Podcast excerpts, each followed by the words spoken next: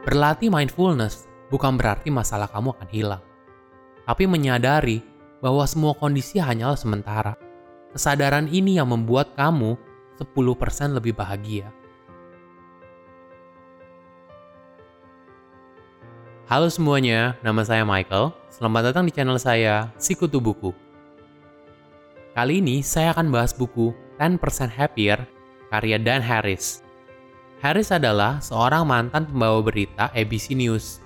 Buku ini bercerita tentang perjalanan Harris dalam menemukan kedamaian jiwanya. Kadang kita nggak pernah sadar apa sih yang ngebuat kita nggak bahagia, sampai akhirnya kita benar-benar dihadapkan dengan hal tersebut. Bagi Harris, itu adalah momen saat dia kena serangan panic attack saat membawakan berita di TV nasional 16 tahun yang lalu. Itulah saat di mana Harris merasa hidupnya harus berubah Panic attack yang dihadapi oleh Harris adalah suara diri Harris, atau kita kenal dengan inner voice. Suara inilah yang selalu memberikan komentar, apa pun yang terjadi dalam hidup kita, baik yang terjadi di luar maupun yang ada di dalam diri kita. Inilah yang kemudian membawa Harris menuju perjalanan spiritual untuk menenangkan inner voice-nya melalui latihan meditasi. Buku ini menarik karena ditulis dari sudut pandang Harris yang skeptis, hingga akhirnya dia menemukan kedamaian jiwanya dan 10% lebih bahagia. Saya akan membahas tiga poin dari perjalanan Harris di buku ini. Pertama, latihan mindfulness setiap saat. Mungkin banyak orang berasumsi kalau latihan mindfulness atau meditasi perlu ruangan khusus dan waktu khusus. Tapi sebenarnya, latihan mindfulness itu bisa di mana aja dan kapan aja karena itu tuh semudah memperhatikan nafas dan pikiran yang muncul tanpa memberikan makna. Berdasarkan ajaran Buddha, ada tiga respon manusia yang biasanya muncul. Kita mau hal itu, kita menolaknya, atau kita cuma melamun. Sebagai contoh, ada cookies, kita mau. Digigit nyamuk, ya kita tolak. Nah, kalau misalnya ada peraturan keselamatan yang dibacakan oleh pramugari, biasanya tuh kita suka nggak sadar, atau ngelamun pas denger pramugarinya bicara.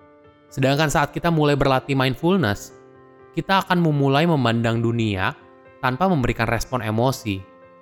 Latihan ini membantu kita untuk berhenti sejenak dan membuat pilihan hidup yang lebih baik. Kedua, teknik RAIN untuk latihan meditasi.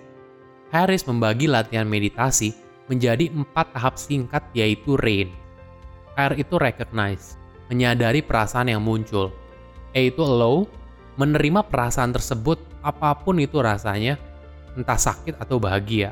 I. Investigate. Merenungkan sensasi perasaan yang muncul pada tubuh. N. Non-identification. Menyadari bahwa perasaan apa pun yang muncul, entah itu marah atau merasa rendah diri, perasaan itu hanya sementara, bukan cerminan diri kita yang sebenarnya. Esensinya, meditasi membantu kita untuk memahami diri sendiri dan perasaan yang muncul, timbul, dan tenggelam. Alih-alih membiarkan emosi mengontrol diri, kita melangkah keluar dan melihatnya dari kejauhan. Ketiga, melakukan yang terbaik tanpa memaksakan hasil. Apakah jadi ambisius itu salah? Tentu saja enggak. Asalkan dijalankan dengan penuh kesadaran bahwa ada hal-hal di luar kendali kita.